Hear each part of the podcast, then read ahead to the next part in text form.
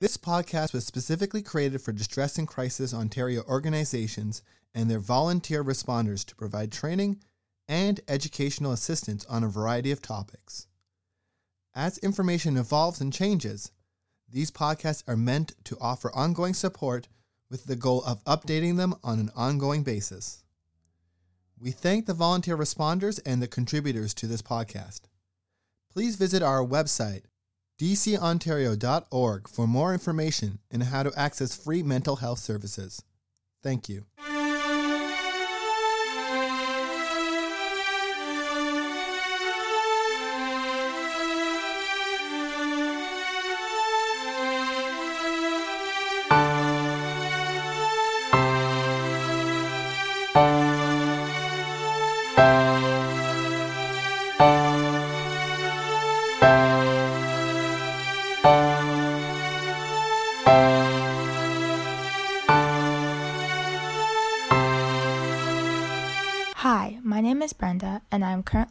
Currently student completing my placement at DCO. This week's episode starts off the beginning of our addiction series for this month. The following is a short excerpt from the Viewing Addictions Through Holistic Lens workshop that was held in February by Dr. Rick Csiernik. In this segment, he explains why people have addictions by taking us through what a psychoactive drug is, what dependency is, and what it means to have an addiction. So again, question: Why do people use drugs? I don't need an answer here. I just want to think about why people use drugs. So in my field of addiction, um, there are three key concepts: uh, what a psychoactive drug is, what dependency is, and what addiction is. And I'm not sure about your context. My, uh, I'm an only child, but I come from. Um, uh, my partner has um, three siblings, and so around that um, Thanksgiving table, there was lots of discussion. And I always tend to be the person that knew the least amount about addiction. Everyone else seemed to know much more than I did. Um, of course, not wanting to be rude, not wanting to be cut out of dessert, I made sure that I never interrupted people. But for the most part, my in-laws, uh, my extended family knew very little of what they were talking about. They had a lot of beliefs, but they didn't have a whole lot of knowledge and truth. So I want to talk about what these three things are and how they differentiate themselves and how it relates back to Tom. So a psychoactive drug, its primary function is to change the brain. And that goes through all the things you listed, cannabis, crystal meth, Ativan, caffeine, nicotine. What they do that distinguishes themselves from all other psychoactive agents is change the brain. In the second part of this morning, I want to talk about the fact that it's not just the central nervous system, it's also the autonomic nervous system. So since I've been talking now for about 15 minutes, you've been breathing, your heart's been pounding, hopefully you've had a decent breakfast and it's being digested, and you have thought about none of that, right? That's all autonomic. These are things that keep you alive and keep you moving forward. So along with changing behaviors and changing mood and affect, psychoactive drugs also change these internal systems that once the drug is ingested, that we have no control over any longer. And that's what makes them problematic in a distinct way from other issues we see as counseling professionals. So psychoactive drug is this impact on the brain. Once a drug is ingested, it must run its life course, half-life, how long it lasts in the body. And this too is critical for us counselors, and I'll talk about this afternoon, because who you are matters in terms of your sex, your height, your age, your weight. All these impact. And if you want to think about it, when you had, those of you who have children, when your child was sick and they were small, you take them to the doctor. And I know when my kids were sick, and they were sick all the time, um, because they're children and they live in Canada and it's cold, and they catch things like colds and flus. They would take the child when they were little and they'd weigh them, right? They'd weigh your baby. And they would give you amount of drug, take four drops, eight drops, one teaspoon, half a tablespoon. They would give you the drug based upon the child's weight. And then something miraculous happens. We turn 18 and suddenly we're all treated the same. So if you're a five foot two, 120 pound woman, you're getting the same amount of Ativan as a six foot four, 220 pound man. And I'm going to talk about Cody and Ben, my son and my niece, later on this afternoon, and explain to you why we tend to over and under medicate people in our society And that contributes to some of these effects that you see going on in Tom that may build upon a mental health issue, that may just build upon his personality. Because some people just are inherently more anxious than other people, but that too, that too, has both a biological and a psychological aspect. Ah, what a segue, Rick. Nice job. Dependency. This is the language we typically should be using is that of dependency. It's not. We tend to use the language of addiction. So dependency has two components, and these were touched upon, thank you very much, in the knowledge piece of our feedback. So there is a physical component to dependency and a psychological. So certainly in Tom, we are seeing signs of the physical dependency. And so what's physical dependency? Is the point in time where your body adapts and changes baseline. So baseline, the term in baseline biology is homeostasis, your homeostatic level, your baseline. And your baseline is when you've slept properly, right, somewhere between six and a half and eight hours. Unless you're my partner who's now retired and sleeps nine hours, good for her, she worked too much when she was younger. And we've had a decent amount of nutrition, right, and not just fats and carbs and sugars, but a proper nutrition. So you're rested and you're fed and you're hydrated, right? That's your homeostatic level. And so when you put enough psychoactive drug into a person for a long enough time, that homeostatic level changes such that, that you're balanced when the drug is in your system. And so when you don't have the drug, this is when you become physically ill, right? So physical dependency is when the body needs to have the drug to function.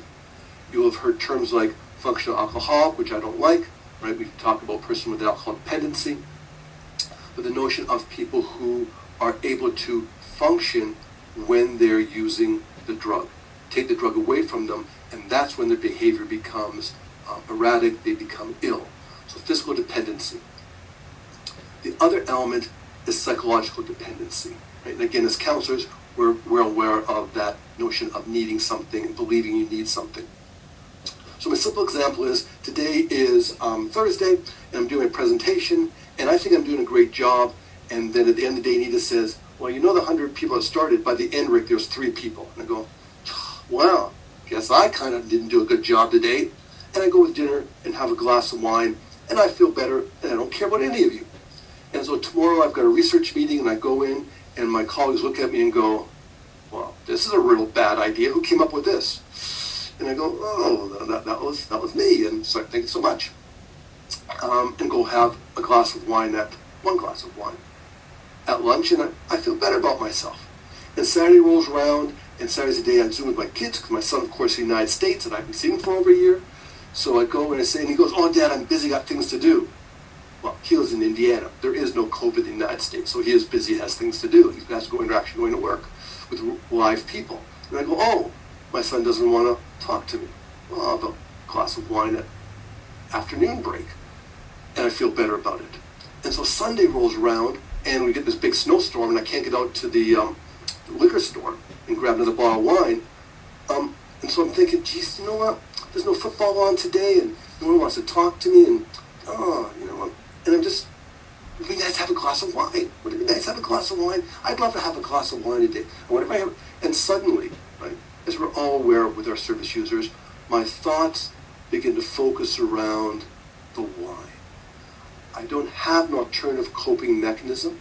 Everything that, and again, I'm not in withdrawal. I'm not shaking. I'm not ill. I'm not thrown up. I'm not anxious. I'm not paranoid. I'm just thinking about how much better my life would be to have a glass of wine. And so there's that psychological dependency, the belief that you need to have the substance and that this substance will make you feel better. With physical dependency, if you're physically dependent upon alcohol and you can't get alcohol, if you take an Ativan, if you can um, sniff some glue, whatever it does, just to get rid of those physical ailments, that's fine. The psychological piece is that desire.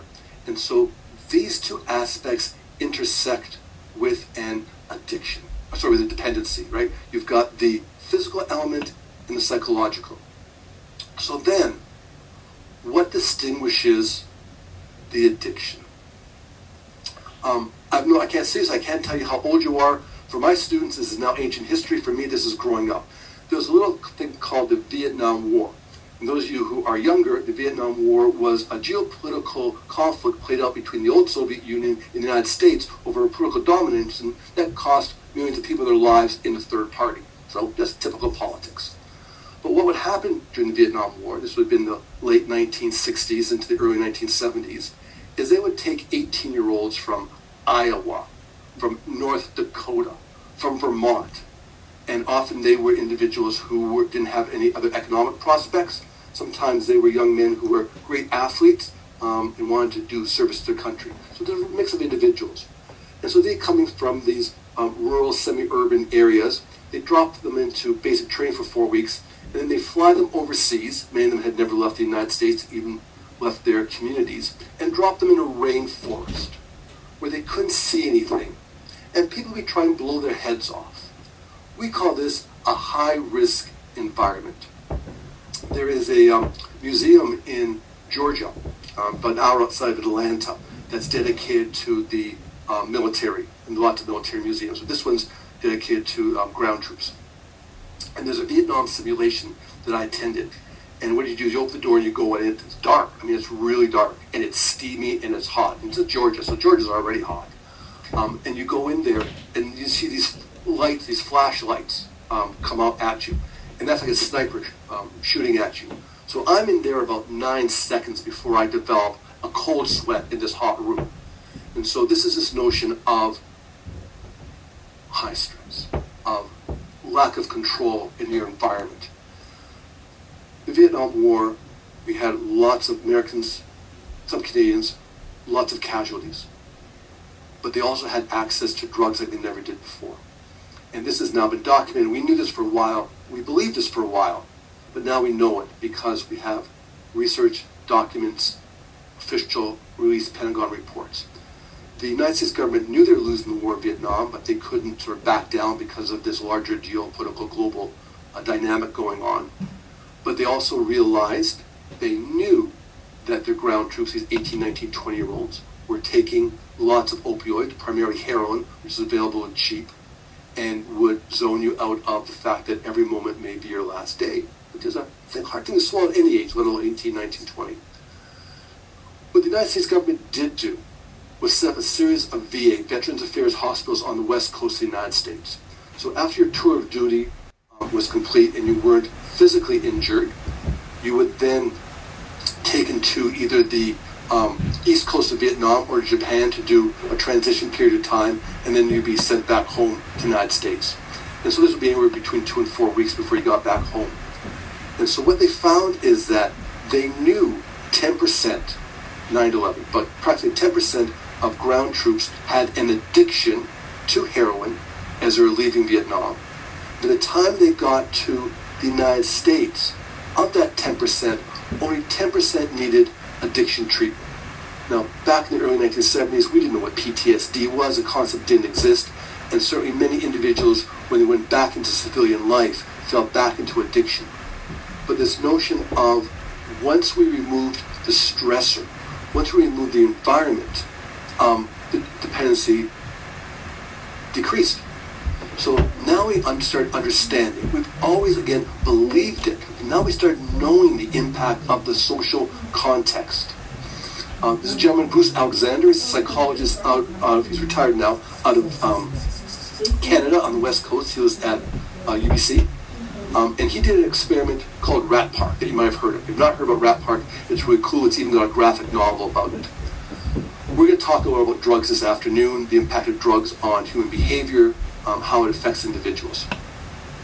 There's something called dependency liability, and this is how severe the impact of a drug is. So in general, we believe that um, heroin has a greater impact than alcohol, which has a greater impact than caffeine, right? And so moving that to knowledge, they do tests on rodents and on marsupials and on monkeys and on dogs. But let's just stick with the rats since most of us like animals. And so they teach a rat how to do a basic behavior, right? You push a lever, you get some water. You push a different lever, you get some food. You push levers all together, and you have access to a sexual partner, right? We teach rats, pigeons, animals to do all sorts of things. We use the same basic techniques to teach our children to behave, more or less. And then we extinguish the behavior, right? And so um, the red light comes on, you push the lever five times, no food comes out. Know, the blue light comes on, you press 10 times, no water comes out. The rat, the monkey, the dog stops doing the behavior. And so we then compare this to different drugs and how hard an animal will work to get the drug. That's lovely. Um, and so we get cocaine's the top of the list, heroin's the top of the list. These are the really hard drugs. Bruce Alexander comes along and says, well, rats are social animals. You've got them in a cage. You've got them cut off from all other rats. You've got often a needle stuck in the back of their heads to give them a flow of drugs. And you've kept them partially uh, starved so they'll behave. He said, what happens if we take all this away from them? And so he came up with the Rat Park. The Rat Park wasn't a very expensive experiment, but what he made was a larger enclosure where there was sort of grass and places to hide and food and water and other rats. But there wasn't just water. There was regular water and there was heroin-laced water. And we found we put a bunch of rats in there is that the rats would drink the heroin-laced water every now and then. On a regular basis, they would drink the water water. And so again, this now reinforced the Vietnam experiment is that given us an environment which is stress reduced, right? There's always stress in every environment. Stress reduced, where there is social interaction, where there's ready access to food, to shelter, and to water, is that every now and then the rats will party. They'll go have a little heroin, they'll have a little nap, they'll have a good time. But on a regular basis, there will not be drug-seeking behavior, right? Which takes us back to, oops, why do people use drugs? Right? And so the answer is, there's a physical reason for it. There's a psychological reason for it, and there's a social reason for it. And today I'm going to focus more on the biological piece because this is where counselors haven't been typically. Some of you maybe have background neurobiology good for you or neuropsychology, and this will be hopefully a reinforcement. But it's this coming together, the three different elements that constitute an addiction. And when you think about our treatment protocols, and I'm as guilty as anyone else, I've been in this field for 35 years now, is that our treatment facilities don't do a biopsychosocial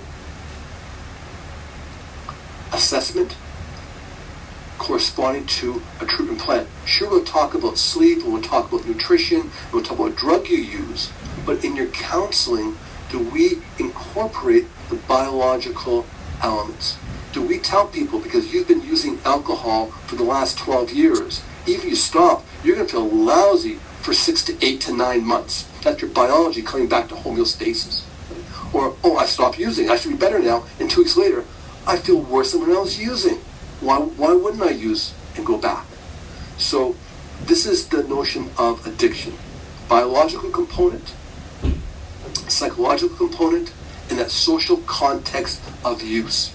Be it you know a high stress war situation or a situation of poverty, when we talk about poverty, I mean obviously economic poverty, but we also talk about things like spiritual poverty, where you don't have a connectedness to your community, to your life, not just your faith community, but to your uh, larger community, to your family, right? You just don't have those connections.